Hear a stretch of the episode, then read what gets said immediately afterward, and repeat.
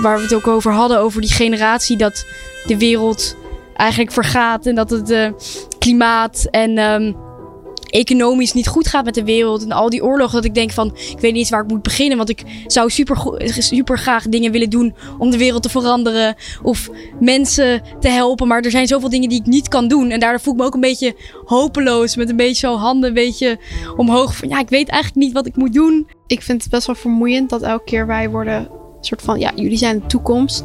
Maar wordt ook niet altijd naar ons geluisterd. Uh, dus als wij dan iets willen inbrengen, dan is het vaak, ja, maar jullie zijn nog jong. Uh, wat is nou jouw ervaring in de wereld? Hoe weet jij nou hoe we dit moeten oplossen?